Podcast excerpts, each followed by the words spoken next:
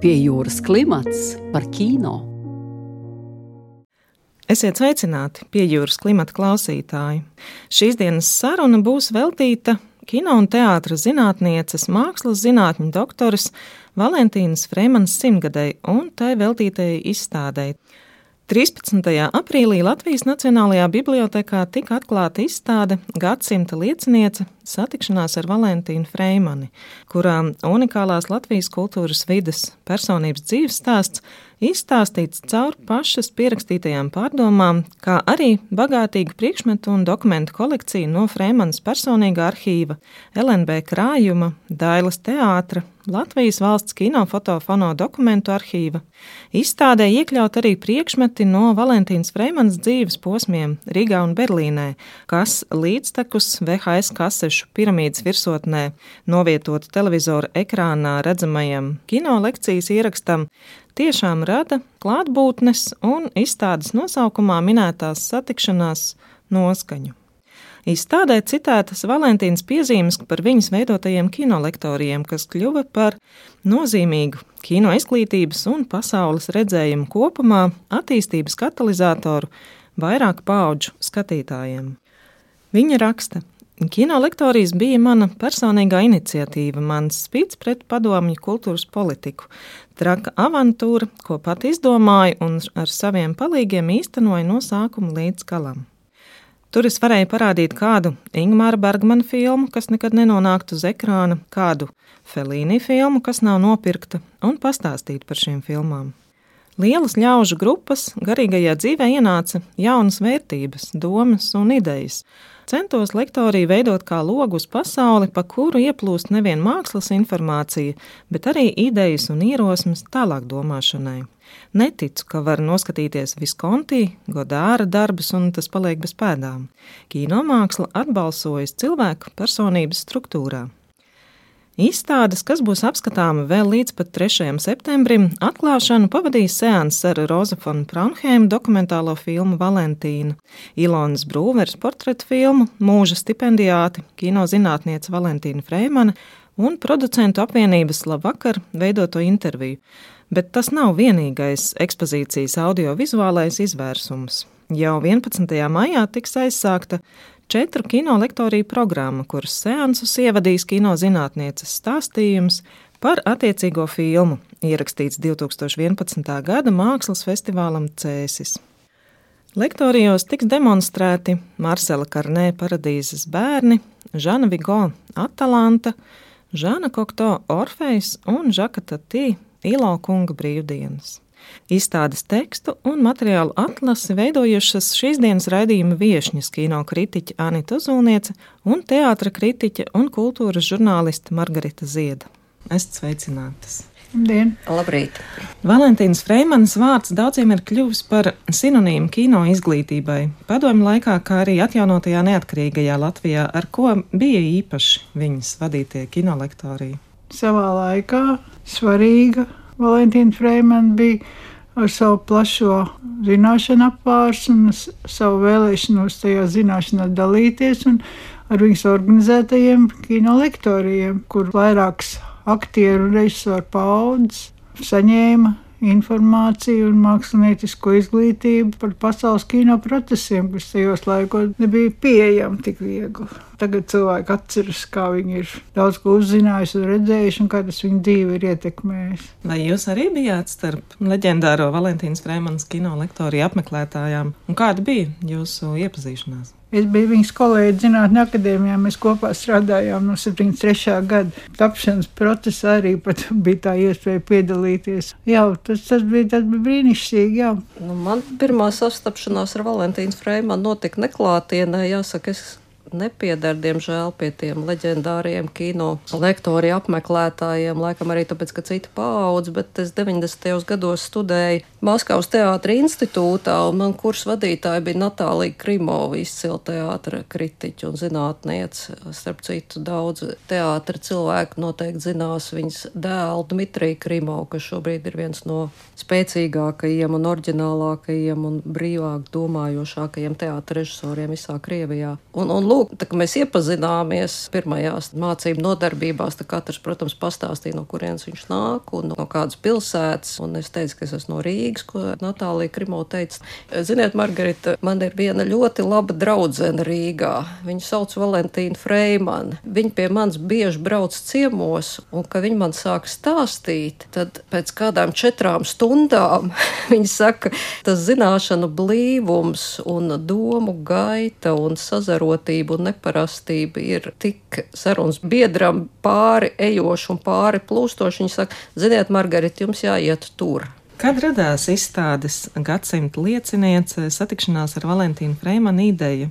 Tur ir tāda arī ļoti sasarota vēsture. Mēs viņu gribam īsi, bet tā ideja nāca tieši no bibliotekas. Un tas notika pirms visām pandēmijām, pirms visām nelaimēm, šķiet, pirms gadiem diviem pat. Viņa mūs ar Anitu Uzulnieci uzaicināja darba grupā, kas veidot uh, uz Valentīnas Freimanas simto dzimšanas dienu viņai veltīta izstādi. Bet ar pandēmiju, ar visiem postiem un nelaimēm tā sagadījās, ka beigās mēs palikām ar Andītu divas izstāžu veidotājas, kas tā kā gandrīz ar savu iniciatīvu nāk. Bet mēs esam ļoti, ļoti pateicīgi un priecīgi, ka ir šī iespēja tieši Latvijas Nacionālajā bibliotekā veidot izstādi. Un tiešām paldies visiem darbiniekiem, kas mūs atbalstīja un palīdzēja, jo, protams, ka mēs divatā nekad šo izstādi nespētu izveidot. Man liekas, tieši tā gaismas pils ir īstā vieta, kur veidot izstādi par Valentīnu Freimanu, jo tā negribās nekā tā patētiski izteikties, bet tā gaismas pils, viņa patiešām arī daudz gadu desmitus Rīgā un Latvijā bija. Mēs sapratām, ka tā ir diezgan neiespējams uzdevums izstādīt Valentīnu Freimanu, jo jebkurš komentārs vai pateiktais par viņu ir eh, daudzkārt eh, šaurāks vai neietilpīgāks nekā viņas pašas personība. Tāpēc tas skaistākais un brīnišķīgākais, kas šajā izstādē ir un būs, ir tiešām iespēja satikties ar viņu pašu. Mēs mēģinājām atrast un apkopot visus ierakstus audiovizuālos, kas Latvijā ir pieejami, kur tieši Valentīnai Freimanai tiek dots vārds. Un tāpēc šī izstāde arī saucās Gadsimta liecinieks - satikšanās ar Valentīnu Freimanu. Jo viņa vislabāk izpaudās tieši stāstot. Viņai ļoti patīk stāstīt, un viņa varbūt nav tik daudz grāmatu sarakstījis vai rakstus uzrakstījis, cik viņa gan lektorijā, gan intervijās, gan dažādos raidījumos, cik viņa tieši runājot ir izpaudusi. Jūs veidotā izstāde iepazīstina ar Valentīnas Freemanas dzīves stāstu caur viņas pašas pierakstītajām pārdomām, bagātīgu priekšmetu un dokumentu kolekciju. Kā jūs nonācāt pie redzējuma, kādai jābūt šai ekspozīcijai?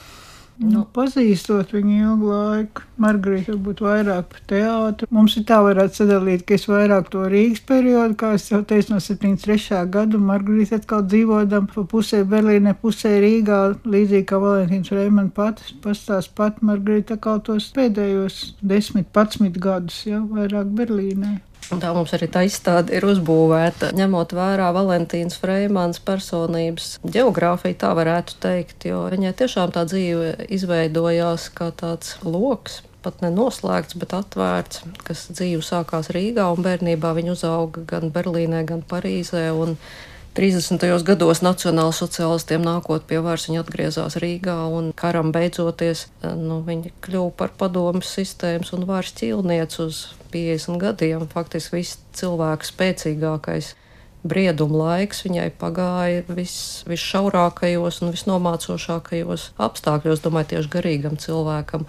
Un um, Latvijas neatkarībai atjaunojoties un arī sabrūkot Berlīnas mūrim, Valentīnai Freimanai bija iespēja atgriezties Berlīnē. Un to vajag iedomāties, ka viņai jau bija gandrīz 70 gadi, kad viņai šī iespēja radās, un cits cilvēks teikt, nu ko tad tur vairs pa vēlu.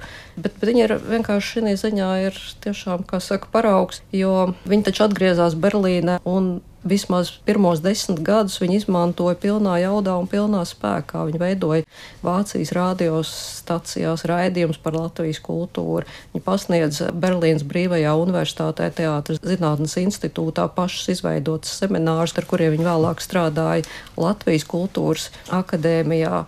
Viņa ļoti, ļoti aktīvi dzīvoja. Berlīnas kinofestivālu viņa apmeklēja, Man tiešām atcerās kolēģi, kurus es tagad satieku Berlīnē, viņi tiešām atcerās tieši Valentīnu Freimantu, kā astoņos no rīta, kur stāvēja pie Berlināla palasta milzīga rinda, nāca Valentīna uz astoņiem rītā, visiem pa priekšu devās skatīties filmas, viņi, viņi tiešām skatījās četras filmas no vietas. Un turklāt nevis vienkārši tā, tā kā noskatījās, bet tiešām reflektēja par viņām, analizēja, stāstīja citiem. Nu, Valentīna Freimana patiesībā sakot bija iedvesmotāja. Man liekas, tas ir viņas tas skaistākais. Nu, es teiktu, pat uzdevums, tā viņa pat arī formulēja, ka mākslas uzdevums ir iekustināt cilvēkus, izraut viņus no vienaldzības, no sastinguma, un viņi saka, es to darīju ar citu mākslinieku starpniecību.